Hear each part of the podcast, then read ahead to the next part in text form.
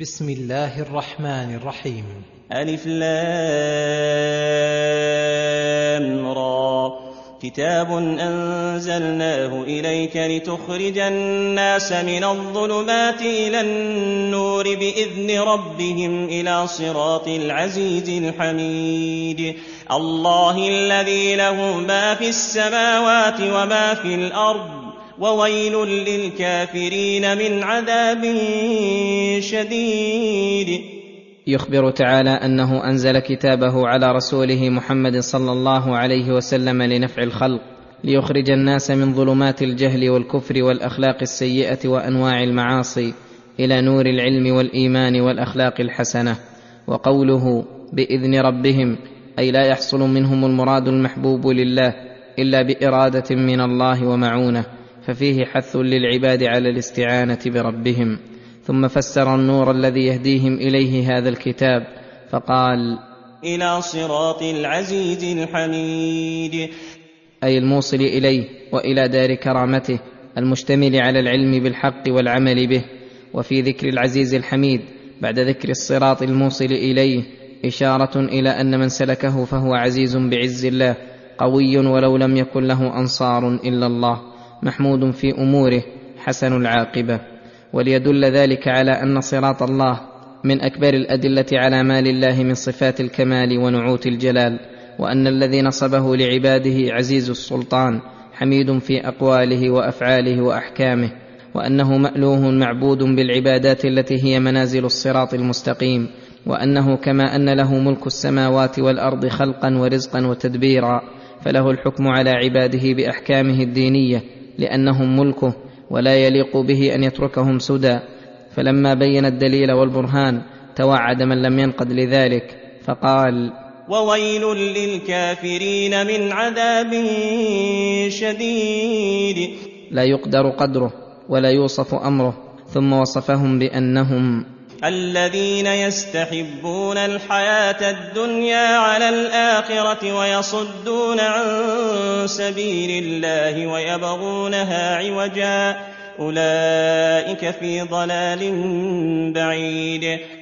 الذين يستحبون الحياة الدنيا على الآخرة فرضوا بها واطمأنوا وغفلوا عن الدار الآخرة ويصدون الناس عن سبيل الله التي نصبها لعباده وبينها في كتبه وعلى ألسنة رسله فهؤلاء قد نابذوا مولاهم بالمعاداة والمحاربة ويبغونها أي سبيل الله عوجا أي يحرصون على تهجينها وتقبيحها للتنفير عنها ولكن يأبى الله إلا أن يتم نوره ولو كره الكافرون.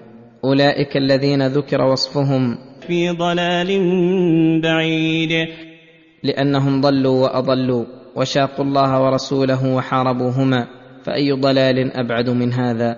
وأما أهل الإيمان فبعكس هؤلاء يؤمنون بالله وآياته ويستحبون الآخرة على الدنيا ويدعون إلى سبيل الله ويحسنونها مهما أمكنهم ويبينون استقامتها. وما أرسلنا من رسول إلا بلسان قومه ليبين لهم فيضل الله من يشاء. فيضل الله من يشاء ويهدي من يشاء وهو العزيز الحكيم. وهذا من لطفه بعباده أنه ما أرسل رسولا إلا بلسان قومه ليبين لهم ما يحتاجون إليه ويتمكنون من تعلم ما أتى به بخلاف ما لو كان على غير لسانهم. فإنهم يحتاجون إلى أن يتعلموا تلك اللغة التي يتكلم بها ثم يفهمون عنه. فإذا بين لهم الرسول ما أمروا به ونهوا عنه وقامت عليهم حجة الله. فيضل الله من يشاء ممن لم ينقد للهدى ويهدي من يشاء ممن اختصه برحمته. وهو العزيز الحكيم. الذي من عزته أنه انفرد بالهداية والإضلال وتقليب القلوب إلى ما شاء ومن حكمته أنه لا يضع هدايته ولا إضلاله إلا بالمحل اللائق به. ويستدل بهذه الآية الكريمة على أن علوم العربية الموصلة إلى تبيين كلامه وكلام رسوله أمور مطلوبة محبوبة لله لأنه لا يتم معرفة ما أنزل على رسوله إلا بها إلا إذا كان الناس بحالة لا يحتاجون إليها وذلك إذا تمرنوا على العربية ونشأ عليها صغيرهم وصارت طبيعة لهم فحينئذ قد اكتفوا المؤنة وصلحوا لأن يتلقوا عن الله وعن رسوله ابتداء كما تلقى عنهم الصحابة رضي الله عنهم. ولقد أرسلنا موسى بآياتنا أن أخرج قومك من الظلمات إلى النور وذكرهم بأيام الله إن في ذلك لآيات لكل صبار شكور. يخبر تعالى أنه أرسل موسى بآياته العظيمة الدالة على صدق ما جاء به وصحته وأمره بما أمر الله به رسوله محمدا صلى الله عليه وسلم. بل وبما أمر به جميع الرسل قومهم أن أخرج قومك من الظلمات إلى النور أي ظلمات الجهل والكفر وفروعه إلى نور العلم والإيمان وتوابعه. وذكرهم بأيام الله أي بنعمه عليهم وإحسانه إليهم وبأيامه في الأمم المكذبين ووقائعه بالكافرين ليشكروا نعمه وليحذروا عقابه. إن في ذلك أي في أيام الله على العباد. لآيات لكل صبار شكور. أي صبار في الضراء والعسر والضيق شكور على السراء والنعمة. فإنه يستدل بأيامه على كمال قدرته وعميم إحسانه وتمام عدله وحكمته. ولهذا امتثل موسى عليه السلام أمر ربه فذكرهم نعم الله فقال وإذ قال موسى لقومه اذكروا نعمة الله عليكم إذ أنجاكم من آل فرعون يسومونكم يسومونكم سوء العذاب ويذبحون أبناءكم ويستحيون نساءكم وفي ذلكم بلاء من ربكم عظيم اذكروا نعمه الله عليكم أي بقلوبكم والسنتكم إذ أنجاكم من آل فرعون يسومونكم أي يولونكم سوء العذاب أي اشده وفسر ذلك بقوله ويذبحون أبناءكم ويستحيون نساءكم أي يبقونهن فلا يقتلونهن. وفي ذلكم الإنجاء. بلاء من ربكم عظيم. أي نعمة عظيمة. أو وفي ذلكم العذاب الذي ابتليتم به من فرعون وملئه ابتلاء من الله عظيم لكم. لينظر هل تصبرون أم لا. وقال لهم حاثا على شكر نعم الله. وإذ تأذن ربكم لئن شكرتم لأزيدنكم ولئن كفرتم إن عذابي لشديد. وإذ تأذن ربكم أي أعلم ووعد لئن شكرتم لأزيدنكم من نعمي. ولئن كفرتم إن عذابي لشديد. ومن ذلك أنه يزيل عنهم النعمة التي أنعم بها عليهم والشكر هو اعتراف القلب بنعم الله والثناء على الله بها وصرفها في مرضاة الله تعالى وكفر النعمة ضد ذلك. وقال موسى إن تكفروا أنتم ومن في الأرض جميعا فإن الله لغني حميد. وقال موسى إن تكفروا أنتم ومن في الأرض جميعا فلن تضروا الله شيئا. فإن الله لغني حميد. فالطاعات لا تزيد في ملكه والمعاصي لا تنقصه وهو كامل الغنى حميد في ذاته وأسمائه وصفاته وأفعاله. ليس له من الصفات إلا كل صفة حمد وكمال ولا من الأسماء إلا كل اسم حسن ولا من الأفعال إلا كل فعل جميل. ألم يأتكم نبأ الذين من قبلكم قوم نوح وعاد وثمود والذين من بعدهم لا يعلمهم إلا الله جاءتهم رسلهم بالبينات فردوا أيديهم في أفواههم وقالوا وقالوا إنا كفرنا بما أرسلتم به وإنا لفي شك مما تدعوننا إليه مريب. يقول تعالى مخوفا عباده ما أحله بالأمم المكذبة حين جاءتهم الرسل فكذبوهم فعاقبهم بالعقاب العاجل الذي رآه الناس وسمعوه فقال ألم يأتكم نبأ الذين من قبلكم قوم نوح وعاد وثمود وقد ذكر الله قصصهم في كتابه وبسطها والذين من بعدهم لا يعلمهم إلا الله من كثرتهم وكون أخبارهم اندرست فهؤلاء كلهم جاءتهم رسلهم بالبينات أي بالأدلة الدالة على صدق ما جاءوا به. فلم يرسل الله رسولا إلا آتاه من الآيات ما يؤمن على مثله البشر فحين أتتهم رسلهم بالبينات لم ينقادوا لها بل استكبروا عنها فردوا أيديهم في أفواههم أي لم يؤمنوا بما جاءوا به ولم يتفوهوا بشيء مما يدل على الإيمان كقوله جعلوا أصابعهم في آذانهم من الصواعق حذر الموت. وقالوا صريحا لرسلهم إنا كفرنا بما أرسلتم به. وأنا لفي شك مما تدعوننا اليه مريب.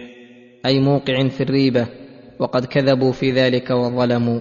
ولهذا قالت لهم رسلهم قالت رسلهم افي الله شك فاطر السماوات والارض يدعوكم ليغفر لكم من ذنوبكم ويؤخركم إلى أجل مسمى. افي الله شك أي فإنه أظهر الأشياء وأجلاها فمن شك في الله فاطر السماوات والأرض الذي وجود الأشياء مستند إلى وجوده لم يكن عنده ثقة بشيء من المعلومات. ولهذا خاطبتهم الرسل خطاب من لا يشك فيه ولا يصلح الريب فيه. يدعوكم إلى منافعكم ومصالحكم. ليغفر لكم من ذنوبكم ويؤخركم إلى أجل مسمى. أي ليثيبكم على الاستجابة لدعوته بالثواب العاجل والآجل فلم يدعكم لينتفع بعبادتكم بل النفع عائد إليكم. فردوا على رسلهم رد السفهاء الجاهلين. قالوا إن أنتم إلا بشر مثلنا تريدون أن تصدونا عما كان يعبد آباؤنا فأتونا بسلطان مبين. وقالوا لهم إن أنتم إلا بشر مثلنا. أي فكيف تفضلوننا بالنبوة والرسالة؟ تريدون أن تصدونا عما كان يعبد آباؤنا. فكيف نترك رأي الآباء وسيرتهم لرأيكم؟ وكيف نطيعكم وأنتم بشر مثلنا؟ فأتونا بسلطان مبين. أي بحجة وبينة ظاهرة. ومرادهم بينة يقترحونها هم. وإلا فقد تقدم أن رسلهم جاءتهم بالبينات. قالت لهم رسلهم إن نحن إلا بشر مثلكم ولكن الله يمن على من يشاء من عباده وما كان لنا أن نأتيكم بسلطان إلا بإذن الله وعلى الله فليتوكل المؤمنون. قالت لهم رسلهم مجيبين عن اقتراحهم واعتراضهم إن نحن إلا بشر مثلكم أي صحيح وحقيقة أنا بشر مثلكم ولكن ليس في ذلك ما يدفع ما جئنا به من الحق فإن الله يمن على من يشاء من عباده فإذا من الله علينا بوحيه ورسالته فذلك فضله وإحسانه وليس لأحد أن يحجر على الله فضله ويمنعه من تفضله. فانظروا ما جئناكم به فإن كان حقا فاقبلوه وإن كان غير ذلك فردوه ولا تجعلوا حالنا حجة لكم على رد ما جئناكم به. وقولكم فأتونا بسلطان مبين فإن هذا ليس بأيدينا وليس لنا من الأمر شيء. وما كان لنا أن نأتيكم بسلطان إلا بإذن الله. فهو الذي إن شاء جاءكم به وإن شاء لم يأتكم به وهو لا يفعل إلا ما هو مقتضى حكمته ورحمته. وعلى الله لا على غيره. فليتوكل المؤمنون. فيعتمدون عليه في جلب مصالحهم ودفع مضارهم لعلمهم بتمام كفايته وكمال قدرته وعميم إحسانه ويثقون به في تيسير ذلك وبحسب ما معهم من الإيمان يكون توكلهم. فعلم بهذا وجوب التوكل وأنه من لوازم الإيمان ومن العبادات الكبار التي يحبها الله ويرضاها. لتوقف سائر العبادات عليه.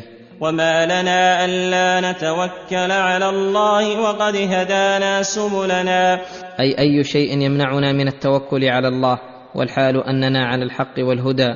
ومن كان على الحق والهدى فإن هداه يوجب له تمام التوكل. وكذلك ما يعلم من أن الله متكفل بمعونة المهتدي وكفايته. يدعو إلى ذلك بخلاف من لم يكن على الحق والهدى.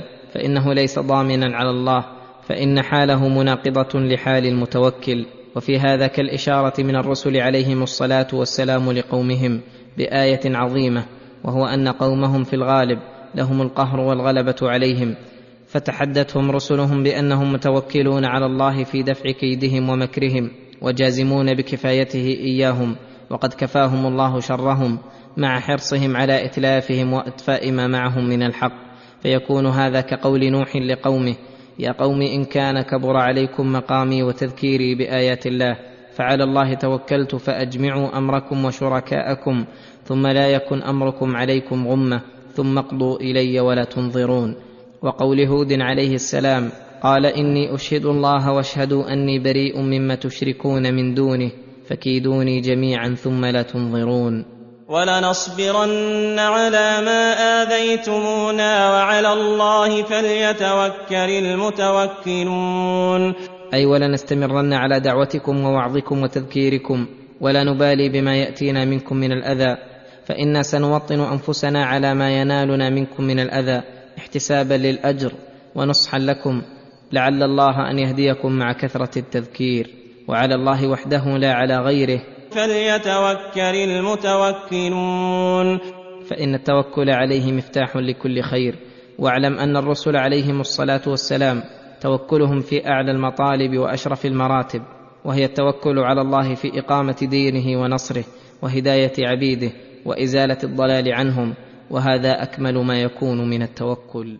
وقال الذين كفروا لرسلهم لنخرجنكم من أرضنا أو لتعودن في ملتنا فأوحى إليهم ربهم لنهلكن الظالمين. لما ذكر دعوة الرسل لقومهم ودوامهم على ذلك وعدم مللهم ذكر منتهى ما وصلت بهم الحال مع قومهم فقال وقال الذين كفروا لرسلهم متوعدين لهم لنخرجنكم من أرضنا أو لتعودن في ملتنا وهذا أبلغ ما يكون من الرد وليس بعد هذا فيهم مطمع لأنه ما كفاهم أن أعرضوا عن الهدى بل توعدوهم بالإخراج من ديارهم ونسبوها إلى أنفسهم وزعموا أن الرسل لا حق لهم فيها وهذا من أعظم الظلم. فإن الله أخرج عباده إلى الأرض وأمرهم بعبادته وسخر لهم الأرض وما عليها يستعينون بها على عبادته. فمن استعان بذلك على عبادة الله حل له ذلك وخرج من التبعة. ومن استعان بذلك على الكفر وأنواع المعاصي لم يكن ذلك خالصا له ولم يحل له فعلم أن أعداء الرسل في الحقيقة ليس لهم شيء من الأرض التي توعدوا الرسل بإخراجهم منها. وإن رجعنا إلى مجرد العادة فإن الرسل من جملة أهل بلادهم وأفراد منهم فلأي شيء يمنعونهم حقا لهم صريحا واضحا. هل هذا إلا من عدم الدين والمروءة بالكلية؟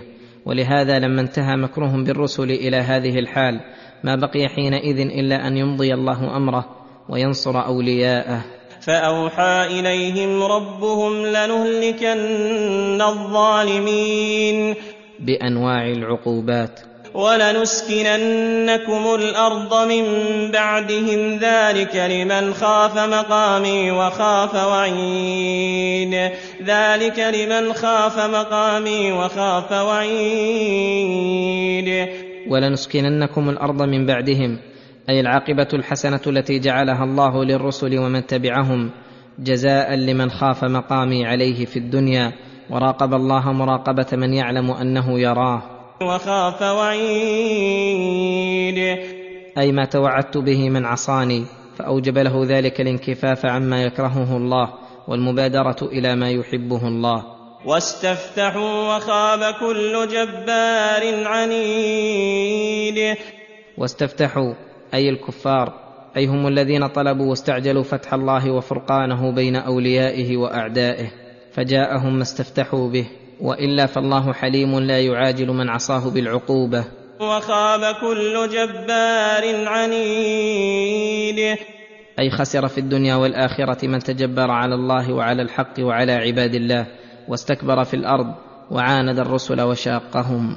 ويسقى من ماء صديد يتجرعه ولا يكاد يسيغه من ورائه جهنم أي جهنم لهذا الجبار العنيد بالمرصاد فلا بد له من ورودها فيذاق حينئذ العذاب الشديد.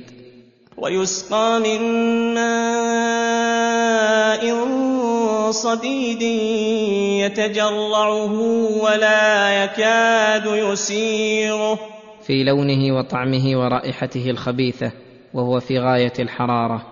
يتجرعه ولا يكاد يسيغه يتجرعه من العطش الشديد ولا يكاد يسيغه فإنه إذا قرب إلى وجهه شواه وإذا وصل إلى بطنه قطع ما أتى عليه من الأمعاء.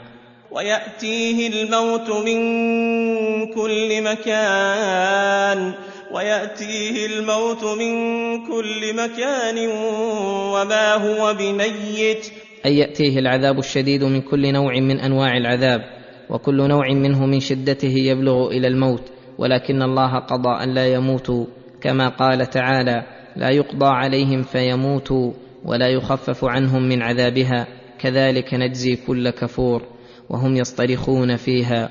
ومن ورائه عذاب غليظ.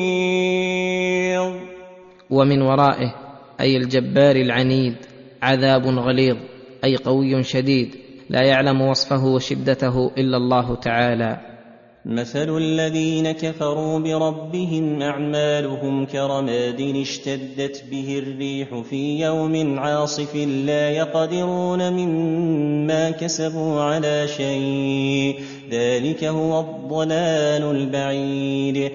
يخبر تعالى عن أعمال الكفار التي عملوها إما أن المراد بها الأعمال التي عملوها لله بأنها في ذهابها وبطلانها واضمحلالها كاضمحلال الرماد الذي هو أدق الأشياء وأخفها إذا اشتدت به الريح في يوم عاصف شديد الهبوب فإنه لا يبقي منه شيئا ولا يقدر منه على شيء يذهب ويضمحل فكذلك أعمال الكفار. لا يقدرون مما كسبوا على شيء ولا على مثقال ذرة منه لأنه مبني على الكفر والتكذيب. ذلك هو الضلال البعيد. حيث بطل سعيهم واضمحل عملهم وإما أن المراد بذلك أعمال الكفار التي عملوها ليكيدوا بها الحق فإنهم يسعون ويكدحون في ذلك ومكرهم عائد إليهم ولن يضروا الله ورسله وجنده وما معهم من الحق شيئا. الم تر ان الله خلق السماوات والارض بالحق ان يشا يذهبكم ويات بخلق جديد.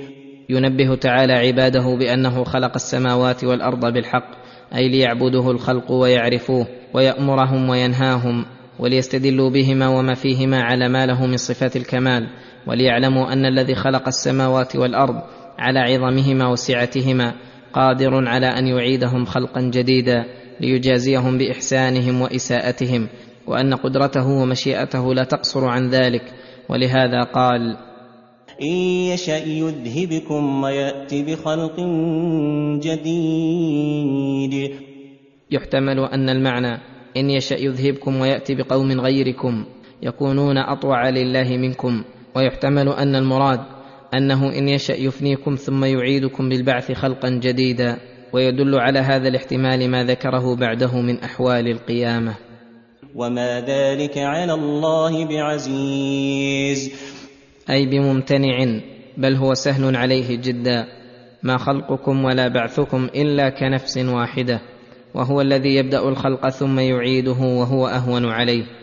وبرزوا لله جميعا فقال الضعفاء للذين استكبروا إنا كنا لكم تبعا فهل أنتم مغنون عنا من عذاب الله من شيء؟ قالوا لو هدانا الله لهديناكم سواء علينا أجزعنا أم صبرنا ما لنا من محيص وبرزوا أي الخلائق لله جميعا حين ينفخ في الصور فيخرجون من الأجداث إلى ربهم فيقفون في أرض مستوية قاع صفصف لا ترى فيها عوجا ولا أمتا. ويبرزون له لا يخفى عليه منهم خافية فإذا برزوا صاروا يتحاجون وكل يدفع عن نفسه ويدافع ما يقدر عليه ولكن أنى لهم ذلك. فيقول الضعفاء أي التابعون والمقلدون للذين استكبروا وهم المتبوعون الذين هم قادة في الضلال. إنا كنا لكم تبعا. أي في الدنيا أمرتمونا بالضلال وزينتموه لنا فأغويتمونا. فهل أنتم مغنون عنا من عذاب الله من شيء؟ ولو مثقال ذرة قالوا لو هدانا الله لهديناكم سواء علينا أجزعنا أم صبرنا ما لنا من محيص قالوا أي المتبوعون والرؤساء أغويناكم كما غوينا ولو هدانا الله لهديناكم فلا يغني أحد أحدا سواء علينا أجزعنا من العذاب أم صبرنا عليه ما لنا من محيص أي من ملجأ نلجأ إليه ولا مهرب لنا من عذاب الله. وقال الشيطان لما قضي الأمر إن الله وعدكم وعد الحق ووعدتكم فأخلفتكم. أي وقال الشيطان الذي هو سبب لكل شر يقع ووقع في العالم مخاطبا لأهل النار ومتبرئا منهم لما قضي الأمر ودخل أهل الجنة الجنة وأهل النار النار. إن الله وعدكم وعد الحق على ألسنة رسله فلم تطيعوه فلو أطعتموه لأدركتم الفوز العظيم ووعدتكم الخير فأخلفتكم أي لم يحصل ولن يحصل لكم ما منيتكم به من الأمان الباطلة. وما كان لي عليكم من سلطان إلا أن دعوتكم فاستجبتم لي. وما كان لي عليكم من سلطان أي من حجة على تأييد قولي إلا أن دعوتكم فاستجبتم لي. أي هذا نهاية ما عندي. أني دعوتكم إلى مرادي وزينته لكم فاستجبتم لي اتباعا لأهوائكم وشهواتكم فإذا كانت الحال بهذه الصورة. فلا تلوموني ولوموا أنفسكم. فلا تلوموني ولوموا أنفسكم فأنتم السبب وعليكم المدار في موجب العقاب. ما أنا بمصرخكم وما أنتم بمصرخي. ما أنا بمصرخكم أي بمغيثكم من الشدة التي أنتم بها وما أنتم بمصرخي كل له قسط من العذاب. إني كفرت بما أشركتمون من قبل. أي تبرأت من جعلكم لي شريكا مع الله فلست شريكا لله ولا تجب طاعتي. إن الظالمين لهم عذاب أليم. إن الظالمين لأنفسهم بطاعة الشيطان. لهم عذاب أليم خالدين فيه أبدا. وهذا من لطف الله بعباده أن حذرهم من طاعة الشيطان وأخبر بمداخله التي يدخل منها على الإنسان ومقاصده فيها وأنه يقصد أن يدخله النيران. وهنا بين لنا أنه إذا دخل النار وحزبه أنه يتبرأ منهم هذه البراءة ويكفر بشركهم ولا ينبئك مثل خبير. واعلم أن الله ذكر في هذه الآية أنه ليس له سلطان وقال في آية أخرى إنما سلطانه على الذين يتولونه والذين هم به مشركون. فالسلطان الذي نفاه عنه هو سلطان الحجة والدليل فليس له حجة أصلا على ما يدعو إليه وإنما نهاية ذلك أن يقيم له من الشبه والتزيينات ما به يتجرؤون على المعاصي. وأما السلطان الذي أثبته فهو التسلط بالإغراء على المعاصي لأوليائه يؤزهم إلى المعاصي أزا وهم الذين سلطوه على أنفسهم بموالاته والالتحاق بحزبه ولهذا ليس له سلطان على الذين آمنوا وعلى ربهم يتوكلون. ولما ذكر عقاب الظالمين ذكر ثواب الطائعين فقال وأدخل الذين آمنوا وعملوا الصالحات جنات تجري من تحتها الأنهار جنات تجري من تحتها الأنهار خالدين فيها بإذن ربهم خالدين فيها بإذن ربهم تحيتهم فيها سلام. وأدخل الذين آمنوا وعملوا الصالحات أي قاموا بالدين قولا وعملا واعتقادا جنات تجري من تحتها الأنهار فيها من اللذات والشهوات ما لا عين رأت ولا أذن سمعت ولا خطر على قلب بشر خالدين فيها بإذن ربهم أي لا بحولهم وقوتهم بل بحول الله وقوته.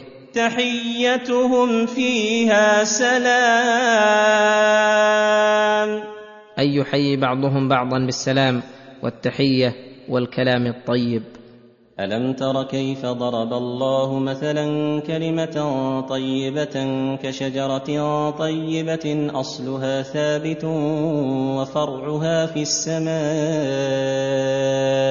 يقول تعالى ألم تر كيف ضرب الله مثلا كلمة طيبة وهي شهادة أن لا إله إلا الله وفروعها كشجرة طيبة وهي النخلة أصلها ثابت في الأرض وفرعها منتشر في السماء. وهي كثيرة النفع دائما. تؤتي أكلها كل حين بإذن ربها ويضرب الله الأمثال للناس لعلهم يتذكرون. تؤتي أكلها أي ثمرتها كل حين بإذن ربها. فكذلك شجرة الإيمان أصلها ثابت في قلب المؤمن علما واعتقادا. وفرعها من الكلم الطيب والعمل الصالح والأخلاق المرضية والآداب الحسنة. في السماء دائما يصعد إلى الله منه من الأعمال والأقوال التي تخرجها شجرة الإيمان. ما ينتفع به المؤمن وينفع غيره. ويضرب الله الأمثال للناس لعلهم يتذكرون. لعلهم يتذكرون ما أمرهم به ونهاهم عنه. فإن في ضرب الأمثال تقريبا للمعاني المعقولة من الأمثال المحسوسة. ويتبين المعنى الذي أراده الله غاية البيان. ويتضح غاية الوضوح. وهذا من رحمته وحسن تعليمه فلله أتم الحمد وأكمله وأعمه فهذه صفة كلمة التوحيد وثباتها في قلب المؤمن. ثم ذكر ضدها وهي كلمة الكفر وفروعها فقال ومثل كلمة خبيثة كشجرة خبيثة اجتثت من فوق الأرض ما لها من قرار. ومثل كلمة خبيثة كشجرة خبيثة المأكل والمطعم وهي شجرة الحنظل ونحوها. اجتثت هذه الشجرة من فوق الأرض ما لها من قرار أي من ثبوت فلا عروق تمسكها ولا ثمرة صالحة تنتجها. بل إن وجد فيها ثمرة فهي ثمرة خبيثة. كذلك كلمة الكفر والمعاصي ليس لها ثبوت نافع في القلب ولا تثمر إلا كل قول خبيث وعمل خبيث. يستضر به صاحبه ولا ينتفع فلا يصعد إلى الله منه عمل صالح ولا ينفع نفسه ولا ينتفع به غيره. يثبت الله الذين آمنوا بالقول الثابت في الحياة الدنيا وفي الآخرة ويضل الله الظالمين ويفعل الله ما يشاء. يخبر تعالى أنه يثبت عباده المؤمنين أي الذين قاموا بما عليهم من إيمان القلب التام الذي يستلزم أعمال الجوارح ويثمرها فيثبتهم الله في الحياة الدنيا عند ورود الشبهات بالهداية إلى اليقين وعند عروض الشهوات بالإرادة الجازمة على تقديم ما يحبه الله على هوى النفس ومراداتها. وفي الآخرة عند الموت بالثبات على الدين الإسلامي والخاتمة الحسنة وفي القبر عند سؤال الملكين للجواب الصحيح إذا قيل للميت من ربك وما دينك ومن نبيك هداهم للجواب الصحيح بأن يقول المؤمن الله ربي والإسلام ديني ومحمد نبيي ويضل الله الظالمين عن الصواب في الدنيا والآخرة وما ظلمهم الله ولكن ظلموا أنفسهم وفي هذه الآية دلالة على فتنة القبر وعذابه ونعيمه كما تواترت بذلك النصوص عن النبي صلى الله عليه وسلم في الفتنة وصفتها ونعيم القبر وعذابه. ألم تر إلى الذين بدلوا نعمة الله كفرا وأحلوا قومهم دار البوار جهنم يصلونها وبئس القرار. يقول تعالى مبينا حال المكذبين لرسوله من كفار قريش وما آل إليه أمرهم. ألم تر إلى الذين بدلوا نعمة الله كفرا ونعمة الله هي إرسال محمد صلى الله عليه وسلم إليهم يدعوهم إلى إدراك الخيرات في الدنيا والآخرة وإلى النجاة من شرور الدنيا والآخرة فبدلوا هذه النعمة بردها والكفر بها والصد عنها بأنفسهم وصدهم غيرهم حتى أحلوا قومهم دار البوار وهي النار حيث تسببوا لإضلالهم فصاروا وبالا على قومهم من حيث يظن نفعهم ومن ذلك أنهم زينوا لهم الخروج يوم بدر ليحاربوا الله ورسوله فجرى عليهم ما جرى وقتل كثير من كبرائهم وصناديدهم في تلك الوقعة. جهنم يصلونها وبئس القرار. جهنم يصلونها أي يحيط بهم حرها من جميع جوانبهم. وبئس القرار. وجعلوا لله أندادا ليضلوا عن سبيله قل تمتعوا فإن مصيركم إلى النار. وجعلوا لله أندادا أي نظراء وشركاء ليضلوا عن سبيله أي ليضلوا العباد عن سبيل الله بسبب ما جعلوا لله من الأنداد ودعوهم إلى عبادتها. قل لهم متوعدا تمتعوا بكفركم وضلالكم قليلا. فليس ذلك بنافعكم. فإن مصيركم إلى النار. أي مآلكم ومقركم ومأواكم فيها وبئس المصير. قل لعبادي الذين امنوا يقيموا الصلاه وينفقوا مما رزقناهم سرا وعلانيه سرا وعلانيه من قبل ان ياتي يوم لا بيع فيه ولا خلال. أي قل لعباد المؤمنين امرا لهم بما فيه غايه صلاحهم وان ينتهزوا الفرصه قبل ان لا يمكنهم ذلك. يقيموا الصلاة ظاهرا وباطنا وينفقوا مما رزقناهم أي من النعم التي أنعمنا بها عليهم قليلا أو كثيرا سرا وعلانية. وهذا يشمل النفقة الواجبة كالزكاة ونفقة من تجب عليه نفقته والمستحبة كالصدقات ونحوها. من قبل أن يأتي يوم لا بيع فيه ولا خلال. أي لا ينفع فيه شيء ولا سبيل إلى استدراك ما فات لا بمعاوضة بيع وشراء ولا بهبة خليل وصديق فكل امرئ له شأن يغنيه فليقدم العبد لنفسه ولينظر ما قدمه لغد وليتفقد أعماله ويحاسب نفسه قبل الحساب الأكبر. الله الذي خلق السماوات والأرض وأنزل من السماء ماء فأخرج به من الثمرات رزقا لكم وسخر لكم الفلك لتجري في البحر بامره وسخر لكم الانهار. يخبر تعالى انه وحده الذي خلق السماوات والارض على اتساعهما وعظمهما وانزل من السماء ماء وهو المطر الذي ينزله الله من السحاب. فاخرج بذلك الماء من الثمرات المختلفه الانواع رزقا لكم ورزقا لانعامكم وسخر لكم الفلك اي السفن والمراكب. لتجري في البحر بأمره فهو الذي يسر لكم صنعتها وأقدركم عليها وحفظها على تيار الماء لتحملكم وتحمل تجاراتكم وأمتعتكم إلى بلد تقصدونه. وسخر لكم الأنهار. لتسقي حروثكم وأشجاركم وتشربوا منها. وسخر لكم الشمس والقمر دائبين وسخر لكم الليل والنهار.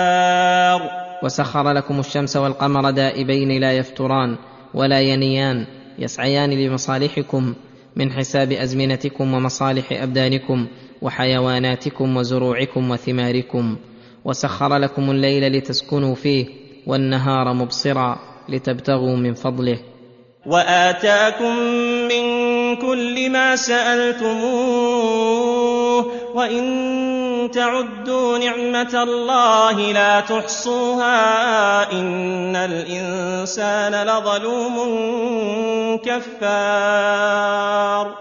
وآتاكم من كل ما سألتموه أي أعطاكم من كل ما تعلقت به أمانيكم وحاجتكم مما تسألونه إياه بلسان الحال أو بلسان المقال من أنعام وآلات وصناعات وغير ذلك. وإن تعدوا نعمة الله لا تحصوها فضلا عن قيامكم بشكرها. إن الإنسان لظلوم كفار. أي هذه طبيعة الإنسان من حيث هو. ظالم متجرئ على المعاصي مقصر في حقوق ربه كفار لنعم الله لا يشكرها ولا يعترف بها إلا من هداه الله فشكر نعمه. وعرف حق ربه وقام به. ففي هذه الآيات من أصناف نعم الله على العباد شيء عظيم مجمل ومفصل يدعو الله به العباد إلى القيام بشكره وذكره ويحثهم على ذلك ويرغبهم في سؤاله ودعائه آناء الليل والنهار كما أن نعمه تتكرر عليهم في جميع الأوقات. واذ قال إبراهيم رب اجعل هذا البلد امنا واجنبني وبني ان نعبد الاصنام. أي واذكر إبراهيم عليه الصلاة والسلام في هذه الحالة الجميلة إذ قال رب اجعل هذا البلد أي الحرم امنا. فاستجاب الله دعاءه شرعا وقدرا فحرمه الله في الشرع ويسر من أسباب حرمته قدرا ما هو معلوم حتى إنه لم يرده ظالم بسوء. إلا قصمه الله كما فعل بأصحاب الفيل وغيرهم. ولما دعا له بالأمن دعا له ولبنيه بالأمن فقال واجنبني وبني أن نعبد الأصنام. أي اجعلني وإياهم جانبا بعيدا عن عبادتها والإلمام بها ثم ذكر الموجب لخوفه عليه وعلى بنيه بكثرة من افتتن وابتلي بعبادتها فقال رب إنهن أضللن كثيرا من الناس فمن تبعني فإنه مني ومن عصاني فإنك غفور رحيم. رب انهن اضللن كثيرا من الناس أي ضلوا بسببها فمن تبعني على ما جئت به من التوحيد والإخلاص لله رب العالمين فإنه مني لتمام الموافقة ومن أحب قوما وتبعهم التحق بهم. ومن عصاني فإنك غفور رحيم. وهذا من شفقة الخليل عليه الصلاة والسلام حيث دعا للعاصين بالمغفرة والرحمة من الله. والله تبارك وتعالى أرحم منه بعباده لا يعذب إلا من تمرد عليه. ربنا إني أسكنت من ذريتي بواد غير ذي زرع عند بيتك المحرم. ربنا ليقيموا الصلاة فاجعل أفئدة من الناس تهوي إليهم وارزقهم من الثمرات لعلهم يشكرون. وذلك أنه أتى بهاجر. أم إسماعيل وابنها إسماعيل عليه الصلاة والسلام وهو في الرضاع من الشام حتى وضعهما في مكة وهي إذ ذاك ليس فيها سكن ولا داع ولا مجيب فلما وضعهما دعا ربه بهذا الدعاء فقال متضرعا متوكلا على ربه ربنا إني أسكنت من ذريتي أي لا كل ذريتي لأن إسحاق في الشام وباقي بنيه كذلك وإنما أسكن في مكة إسماعيل وذريته. وقوله بواد غير ذي زرع أي لأن أرض مكة لا تصلح للزراعة. ربنا ليقيموا الصلاة أي اجعلهم موحدين مقيمين الصلاة لأن إقامة الصلاة من أخص وأفضل العبادات الدينية فمن أقامها كان مقيما لدينه. فاجعل أفئدة من الناس تهوي إليهم أي تحبهم وتحب الموضع الذي هم ساكنون فيه. فأجاب الله دعاءه فأخرج من ذرية إسماعيل محمدا صلى الله عليه وسلم حتى دعا ذريته إلى الدين الإسلامي وإلى ملة أبيهم إبراهيم فاستجابوا له وصاروا مقيمي الصلاة. وافترض الله حج هذا البيت الذي أسكن به ذرية إبراهيم وجعل فيه سرا عجيبا جاذبا للقلوب فهي تحجه ولا تقضي منه وطرا على الدوام بل كلما أكثر العبد التردد إليه ازداد شوقه وعظم ولعه وتوقه. وهذا سر إضافته تعالى إلى نفسه المقدسة. وارزقهم من الثمرات لعلهم يشكرون فأجاب الله دعاءه فصار يجبى إليه ثمرات كل شيء فإنك ترى مكة المشرفة كل وقت والثمار فيها متوفرة والأرزاق تتوالى إليها من كل جانب. ربنا إنك تعلم ما نخفي وما نعلن وما يخفى على الله من شيء في الأرض ولا في السماء ربنا إنك تعلم ما نخفي وما نعلن. أي أنت أعلم بنا منا. فنسألك من تدبيرك وتربيتك لنا أن تيسر لنا من الأمور التي نعلمها والتي لا نعلمها. ما هو مقتضى علمك ورحمتك؟ وما يخفى على الله من شيء في الأرض ولا في السماء. ومن ذلك هذا الدعاء الذي لم يقصد به الخليل إلا الخير وكثرة الشكر لله رب العالمين. الحمد لله الذي وهب لي على الكبر إسماعيل وإسحاق. فهبتهم من أكبر النعم وكونهم على الكبر في حال الإياس من الأولاد نعمة أخرى وكونهم أنبياء صالحين أجل وأفضل. إن ربي لسميع الدعاء. أي لقريب الإجابة ممن دعاه وقد دعوته فلم يخيب رجائي. ثم دعا لنفسه ولذريته فقال رب اجعلني مقيم الصلاة ومن ذريتي ربنا وتقبل دعاء. ربنا اغفر لي ولوالدي وللمؤمنين يوم يقوم الحساب.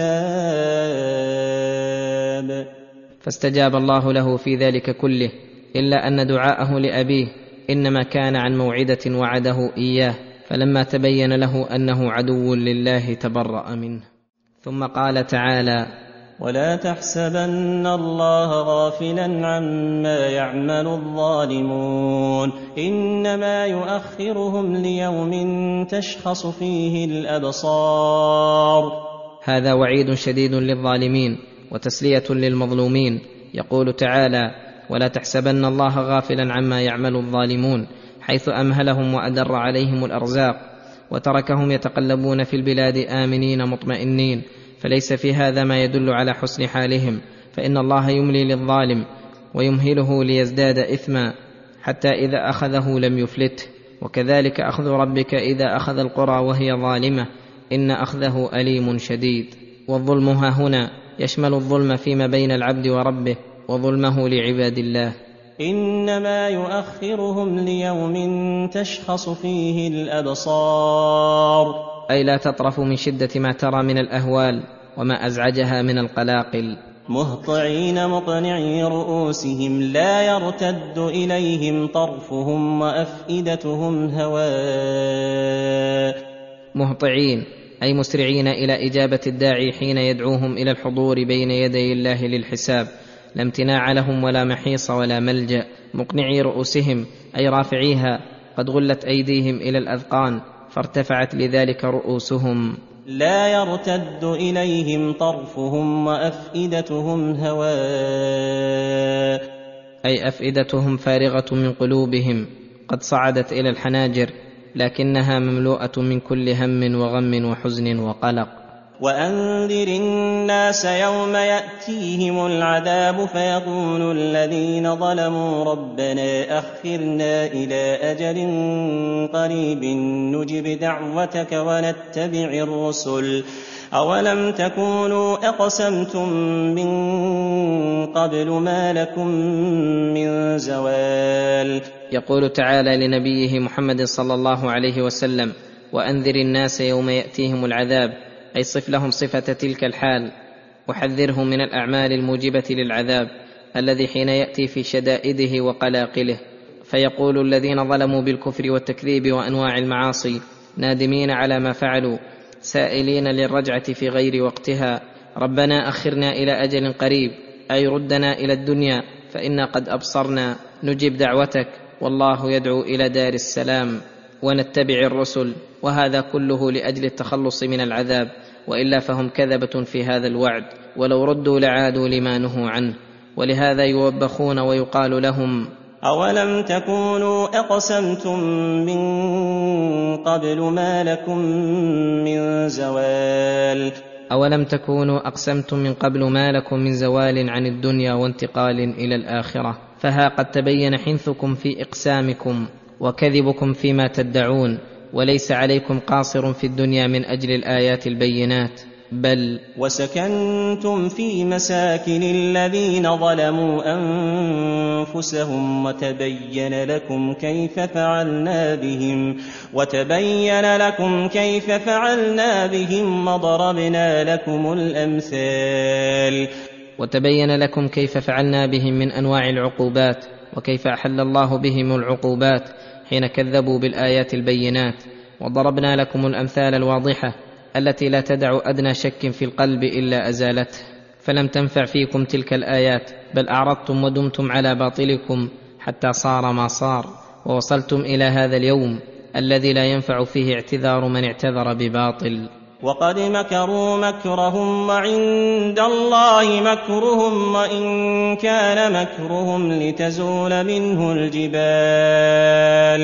وقد مكروا مكرهم وعند الله مكرهم وإن كان مكرهم لتزول منه الجبال.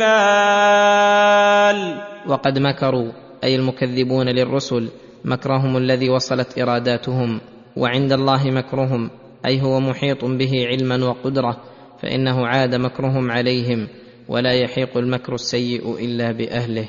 وإن كان مكرهم لتزول منه الجبال.